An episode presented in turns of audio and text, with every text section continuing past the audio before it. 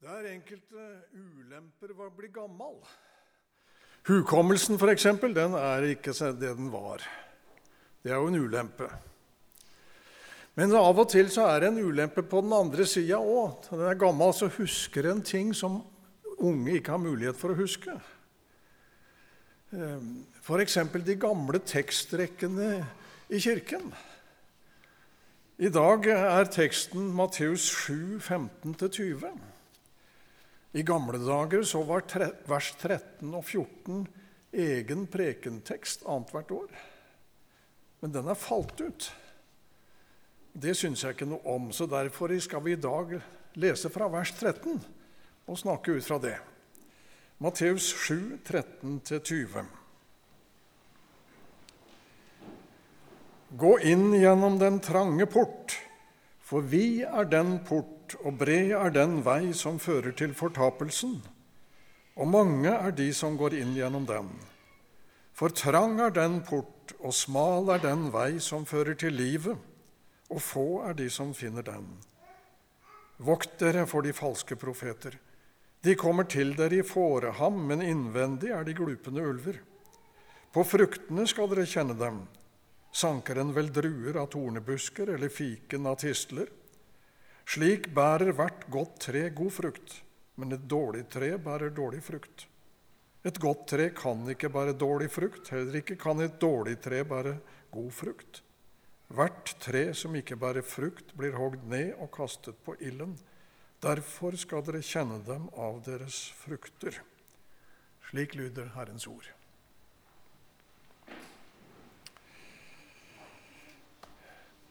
Dersom du spør vanlige mennesker på gata hva de forbinder med bergprekenen, så vil de fleste si at det handler jo om å elske sin neste som seg selv. Ja, så har vi jo saligprisningene, vil de si. Den teksten vi leste i dag, den er jo også fra bergprekenen. Men der hørte vi altså om den trange porten og den smale veien, om fortapelsen, om å vokte seg for falske profeter skulle en ha hørt maken. Er ikke dette et utslag av en dømmesyke og en ukjærlighet som Jesus fordømmer? Er det ikke slik tale som bringer kristendommen i miskreditt? Det er vel mange som tenker sånn nå til dags. Er ikke kristendommen kjærlighetens religion, da? Jo visst er den det.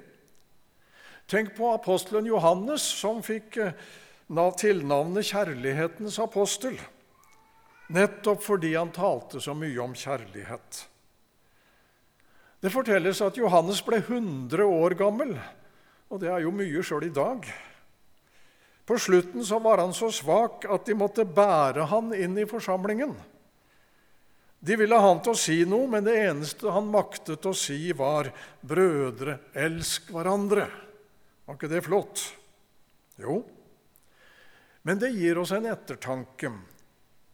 For Johannes han er samtidig den som har talt aller sterkest om å vokte seg for falske profeter. Han sier f.eks.: Om noen kommer til dere og ikke fører denne lære, altså Bibelens lære, da skal dere ikke ta imot ham i deres hus og ikke ønske ham velkommen. For den som hilser ham velkommen, blir medskyldig med ham i hans onde gjerninger. Dette lærer oss noe viktig. Det er ikke ukjærlig å være opptatt av å skille mellom det som er sant og sunt, og det som er falskhet og løgn. Det er tvert, imot en nødvendig konsekvens av kjærligheten.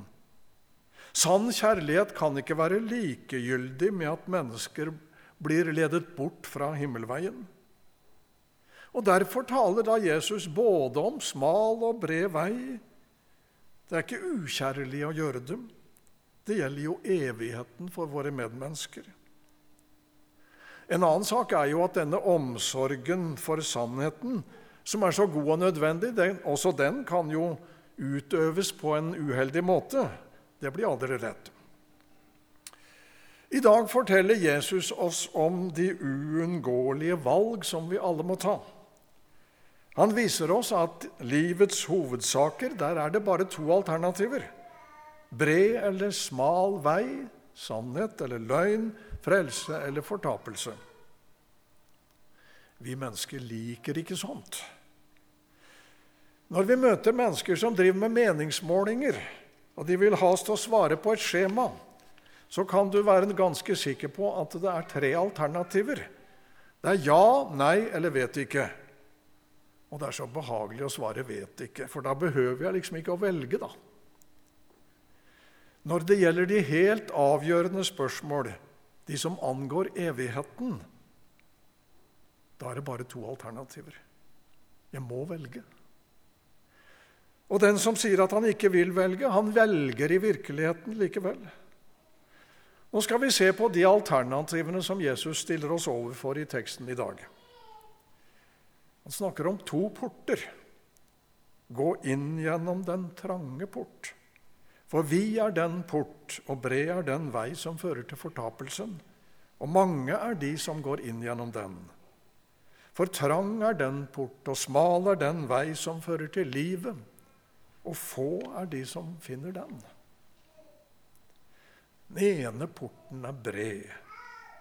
Gjennom den kan du ta med deg så mye bagasje du vil. Du trenger ikke si farvel til en eneste synd. Den andre porten er smal, trang som et nåløye, sa Jesus et annet sted. Her kommer jeg ikke igjennom med en eneste synd.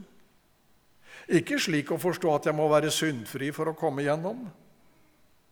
Nei, men jeg må erkjenne og bekjenne alt min, alt min synd, min egoisme, min stolthet, min trang til selvhevdelse, mine syndige tanker og delte motiver.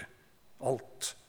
For Bibelen sier jo dersom vi sier at vi ikke har synd, da bedrar vi oss selv, og sannheten er ikke i oss.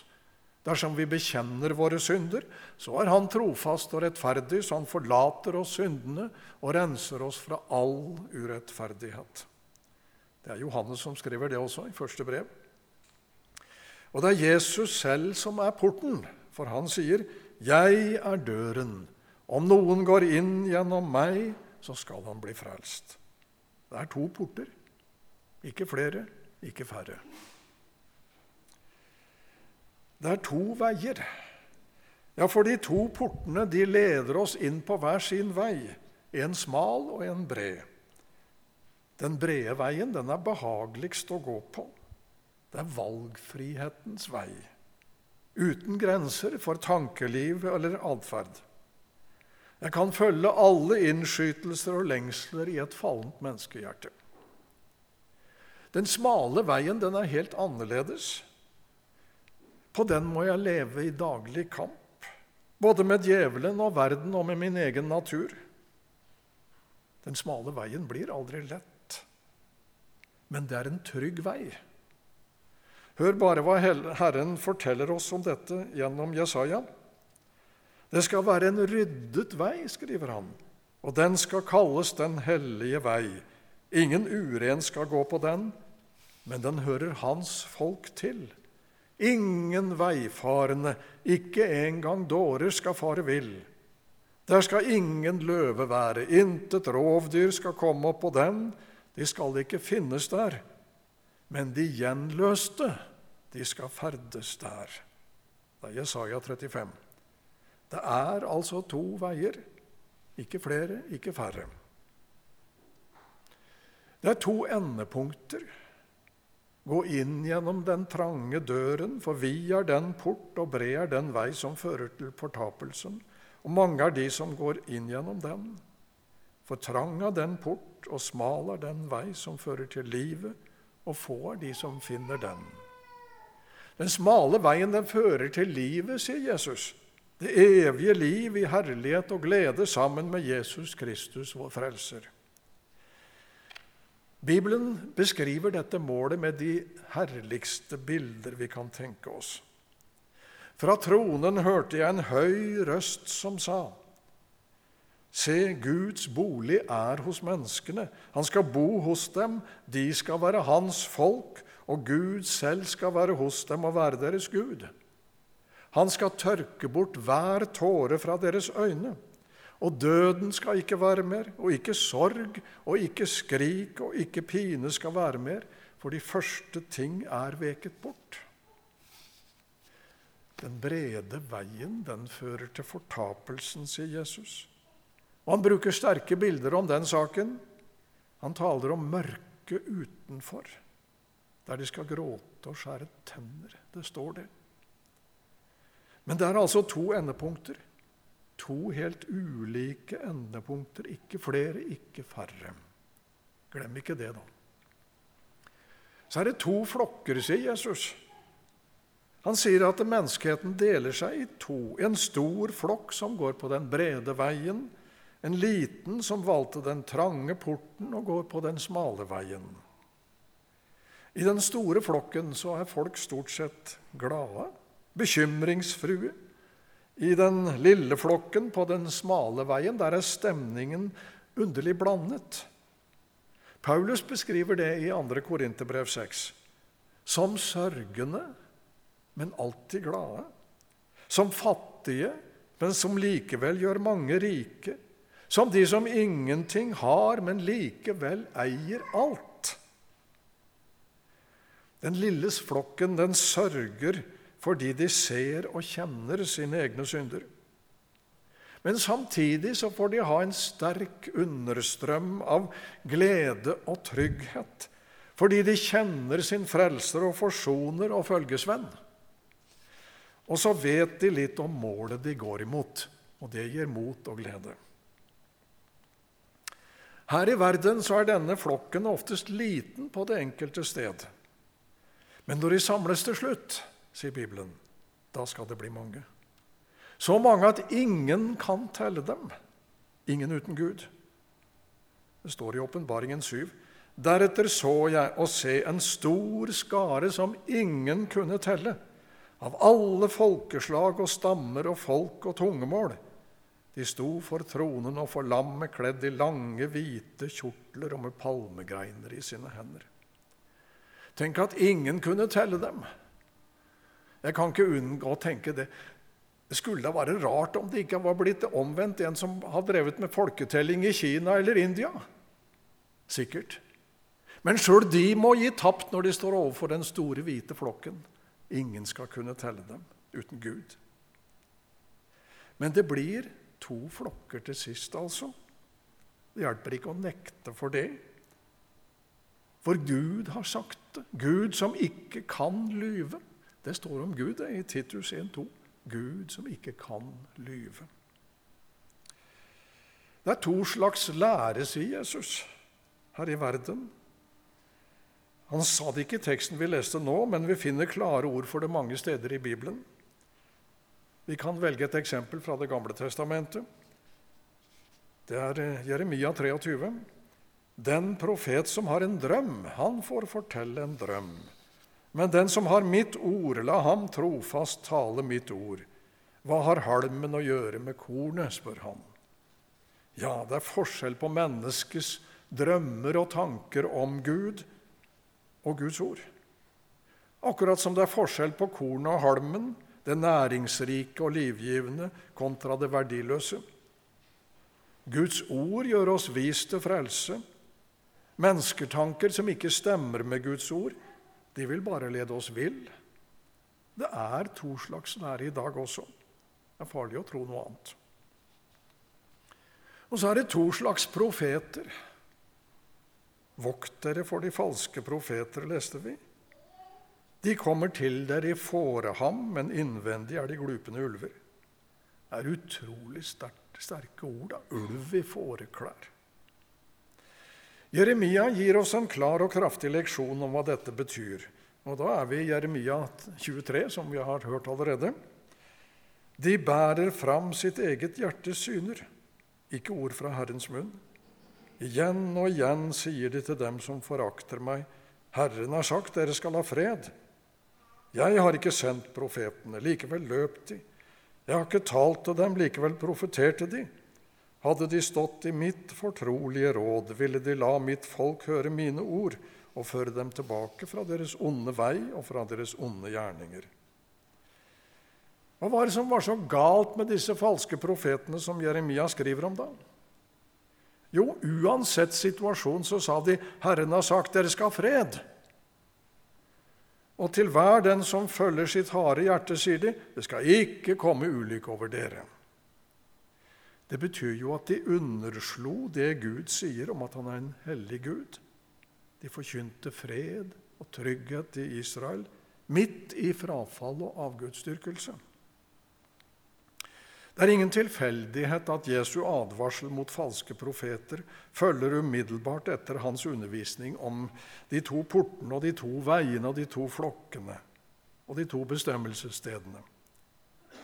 Det Jesus sier med dette, er det er to porter, det er to veier, det er to flokker, det er to endepunkter.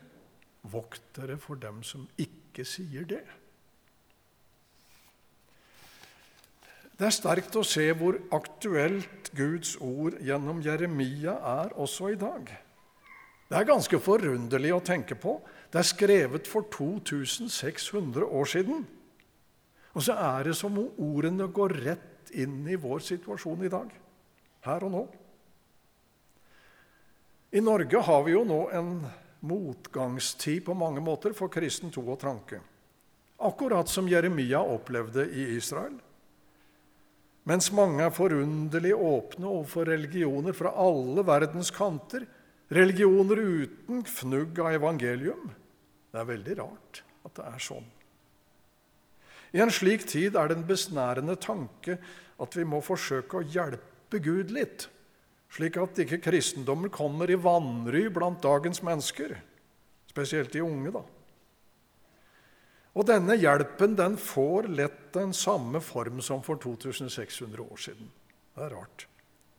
Vi forsøker å gjøre Gud snill, ufarlig, ved at de siler bort en del av det som står i Bibelen. Så blir det ikke snakk om to veier, og slett ikke to endepunkter. Vi snakker om at Gud er kjærlig, og det er sant. Men vi sier mindre enn lite om at han også er hellig. Vi snakker gjerne om himmelen, men glemmer at det er et annet sted. Så snakker vi om at Gud er så glad i meg som er skapt i hans bilde, at det er klart han frelser meg. Men så glemmer vi hvorfor i all verden Jesus da måtte dø. Bibelsk kristendom det har et helt bestemt kjennetegn. Den forteller om den store kostnaden den forteller at det kostet Jesus livet å frelse meg. Han måtte dø for mine synder for at jeg skulle kunne unngå Guds fred og dom. Det er ikke, ja, vi kunne kalle det, det er ikke Guds gammelmannssnillhet som frelser meg. Nei, det er Jesus stedfortredende strafflidelse. Guds kjærlighet viser seg ikke ved at han godtar meg slik jeg er. Det kan Gud aldri. Guds kjærlighet ser vi på Golgata. Ved dette ble Guds kjærlighet åpenbart iblant oss, at Gud har sendt sin enbårne sønn til verden for at vi skal leve ved ham. I dette er kjærligheten, ikke at vi har elsket Gud, men at han har elsket oss og sendt sin sønn til soning for våre synder. Hvordan skal vi skille de falske profetene fra de sanne? Dere skal kjenne dem på deres frukter, sa Jesus. På fruktene skal dere kjenne dem. Sanker en vel druer av tornebusker eller fiken av tistler? Det er samsvar mellom treslag og frukt, sier Jesus.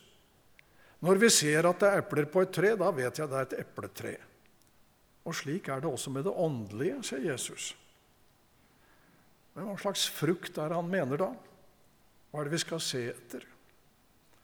Jesus sa det, står i Matteus 7, 21, rett etter teksten vi leste. Ikke enhver som sier til meg, Herre, Herre, skal komme inn i himlenes rike, men den som gjør min himmelske Fars vilje. Mange skal si til meg på den dagen, Herre, Herre, har ikke vi profetert i ditt navn, drevet ut onde ånder i ditt navn og gjort mange kraftige gjerninger i ditt navn? Men da skal jeg åpent si til dem, jeg har aldri kjent dere. Vik bort fra meg, dere som gjorde urett. Han sa det, Jesus. Dette betyr det er ikke munnens bekjennelse som avgjør. Det er ikke synlige tegn eller oppsiktsvekkende nådegaver vi skal se etter. Hva er det da? Det er to ting. Det er sunn lære og hellig liv. Det må vi se litt på før vi er ferdig. Dersom vi spør hvordan et hellig liv arter seg, så vil nok mange få, få mange ulike svar. Vi faller lett i den grøften at vi kritiserer prester og ledere ut fra hva vi selv liker og ikke liker. Det skal vi ikke gjøre. I stedet skal vi se på hva Bibelen sier om saken. Åndens frukt er kjærlighet, glede, fred, langmodighet, mildhet, godhet, trofasthet, saktmodighet, avholdenhet. Det står mye om de troendes liv og ferd. Dere er Guds utvalgte, hellige og elskede. Ikle dere da inderlig barmhjertighet, godhet, ydmykhet, saktmodighet, tålmodighet, så dere tåler hverandre og tilgir hverandre dersom en skulle ha noe å anklage en annen for. Like som Kristus har tilgitt dere, skal også dere tilgi hverandre.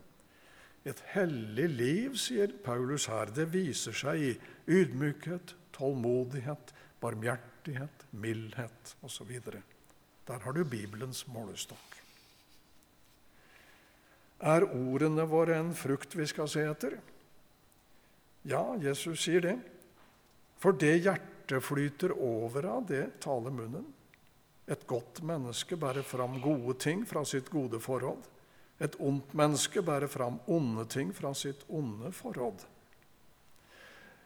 Det betyr ikke at vi skal vurdere prester og predikanter etter deres evne til å ordlegge seg flott og slående. Hvordan skal vi da avgjøre om det er sunn lære?